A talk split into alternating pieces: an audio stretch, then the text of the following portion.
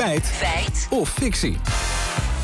En die gaat uh, vandaag, Lammert, over vrijhandelsverdragen. Waarom? Ja, nou, er wordt al jarenlang gesproken over een handelsverdrag tussen de EU en Latijns-Amerika. Eerder waren ook al handelsverdragen CETA en TTIP hete hangijzers in de politiek.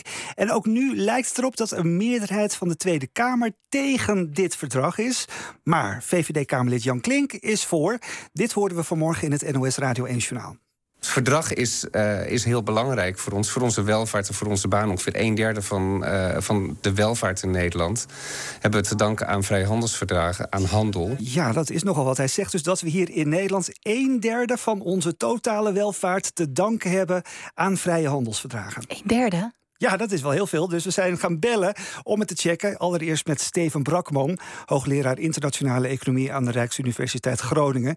En hij legt ons allereerst even uit wat een handelsverdrag precies is. Je sluit een handelsverdrag met een, met een land of met een groep van landen. En wat je dan doet, is uh, de handelsbeperkingen, de barrières die, handel, uh, uh, die het handelen lastig maken, die probeer je weg te halen. Ja, het gaat bijvoorbeeld over afschaffen van bepaalde invoerheffingen.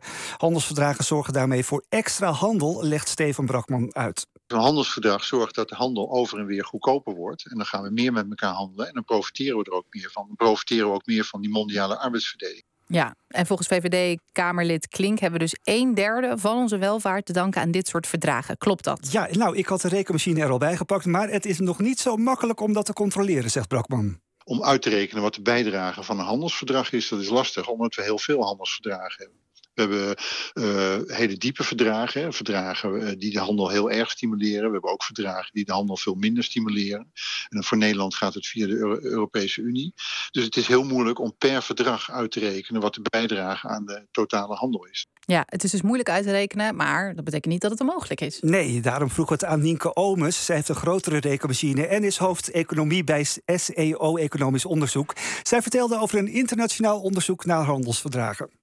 En die had gekeken wat was nou het effect van die recente golf van handelsliberalisatie, waarbij dan die handelsverdragen nog dieper werden, dus nog meer uh, tarieven werden afgeschaft of gereduceerd. En die vonden dat dat bijvoorbeeld gemiddeld leidde tot een toegenomen welvaart van 2 procent. 2 procent? Ja, maar dan kijk je dus alleen en puur naar de invloed van de recente handelsverdragen. Oké, okay, dus die een derde die kan dan nog steeds? Nou, nee, dat is de normale handel, zegt Omes.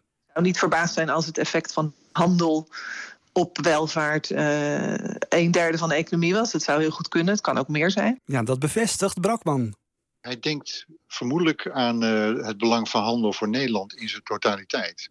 Dus wij exporteren ongeveer 600 miljard. We verdienen daar ongeveer 50 cent per geëxporteerde euro uh, van.